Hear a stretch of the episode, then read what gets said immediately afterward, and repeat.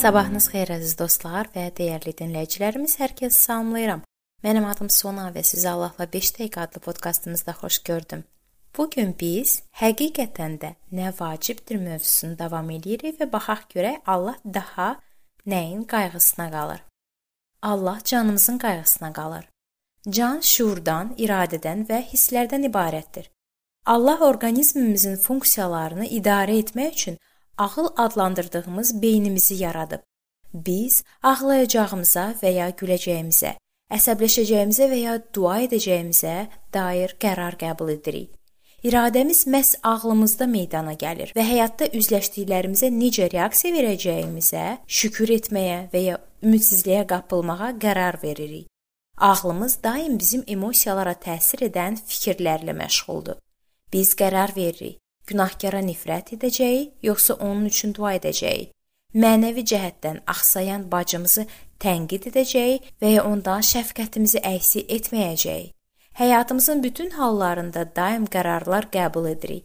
Bütün bu müddət ərzində Allaha inamımızı təsdiq edir və ya bu inamımızın zəif olduğunu göstəririk. Allah istəyir ki, biz daim imanlı olaq. Allah ruhumuzun qayğısına qalır. Ruhumuz, vicdanımız, intuisiyamız və Allahla ünsiyyət vasitəsidir. İnsan ilk dəfə günah işlədəndə onun məhz ruhu öldü. Biz Allahla əlaqəni və ünsiyyəti itirmişik və bizim vicdanımız buna görə bizi ittiham etdi.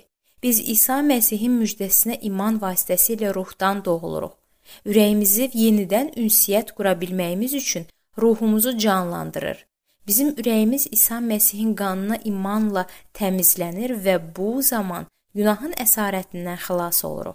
Ruhən oyanır və günahdan azad ola biliriksə, bədənimiz və ruhumuz Allahın düşündüyü tərzdə və gücdə maksimum şəkildə fəaliyyət göstərə bilər. Lakin nifrət, baxıllıq etsək, tamahkar olmağa başlasaq və ya hər hansı günahla gizlənqaç oynasaq, bədənimiz və ağlımızda nə baş verir? Onların tam fəaliyyət göstərməsi üçün maneələr yaranır. Başımız ağrımağa başlayır və aspirin atmağa gedirik. İstənilən fiziki problem bizi onun səbəbi barədə düşünməyə vadar edir. Heç də hər fiziki problemin səbəbi müəyyən bir günah deyil, lakin belə də olur. Biz isə bu barədə düşünmək istəmədiyimizdən hər hansı bir səbəb axtarışında həkimə gedirik. Bu barədə düşünün. Bunun əvəzinə qoy insan özünü yoxlasın və sonra bu çörəkdən yeyib bu kasadan içsin. Çünki kim Rəbbin bədənini dərk etməyib yeyib içsə, yeyib içərək öz üzərinə mühakimə gətirir. 1-ci Korinflilərə 11-ci fəsil 28-29-cu ayələr. Daim başımız ağrıdığı günlər olub. Həkim məndən stress yaşayıb yaşamadığı barədə soruşdu. Elə həmin vaxtlar stress yaşadığım barədə ona məlumat verdim.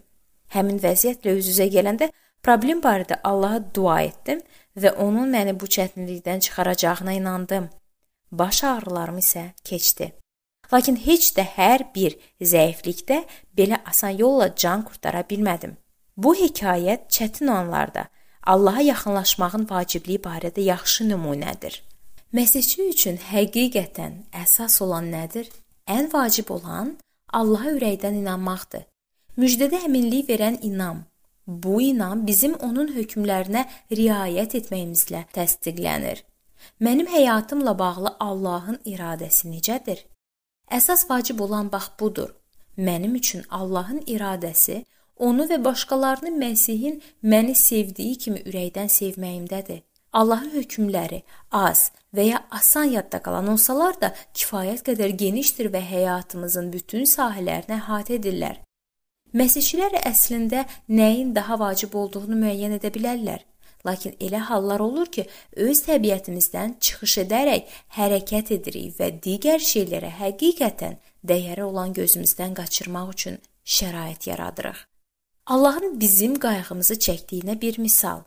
Əgər o mənə köhnə maşın göndəribsə və mənim başqaları səviyyəsində yaşamaq üçün imkanım yoxdursa, mən tərəfdən ən yaxşı münasibət Allahın göndərdiyinə sevinmək və məmnun qalmaqdır. Tamahkar və paxıl birinə çevrilsəm, bu o deməkdir ki, artıq bütün varlığımla Allahı sevmirəm. Bu isə günahdır və məndə müxtəlif fiziki problemlərə yol aça bilər. Çünki günah bizim bədənimizə və ruhumuza təsir edir. Bax, məsələ bu qədər ciddidir. Əgər Allah bizə hər hansı xəstəlik göndəribsə, ya həvari Paul kimi zəifliyimizə sevinəcək, ya da Allaha qarşı deyinəcək. Birincisi Allahı şərəfləndirir, ikinci isə insanı bədbəxt edir. İshak Watts kimi Allah qarşısında inam, səy və itayətə sahibikmi? O belə yazırdı: Ey Allahım, sən mənim taleyimsən. Sənə nə lazımdır bilən kimi ürəyim sənin sözünə tabe olmağa tələsir. Bir an belə gözləmədən tələsir. Həyatda həqiqətən inanmaq, bax, vacib olan budur. Buraya təbiətimizi əsas tutaraq etdiklərimizə görə tövbə də daxildir.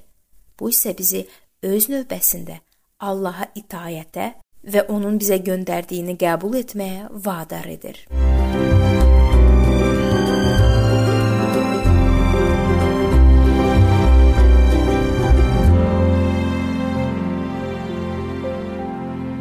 Beləliklə əziz dostlar, bu maraqlı və vacib mövzu burada sona çatdı.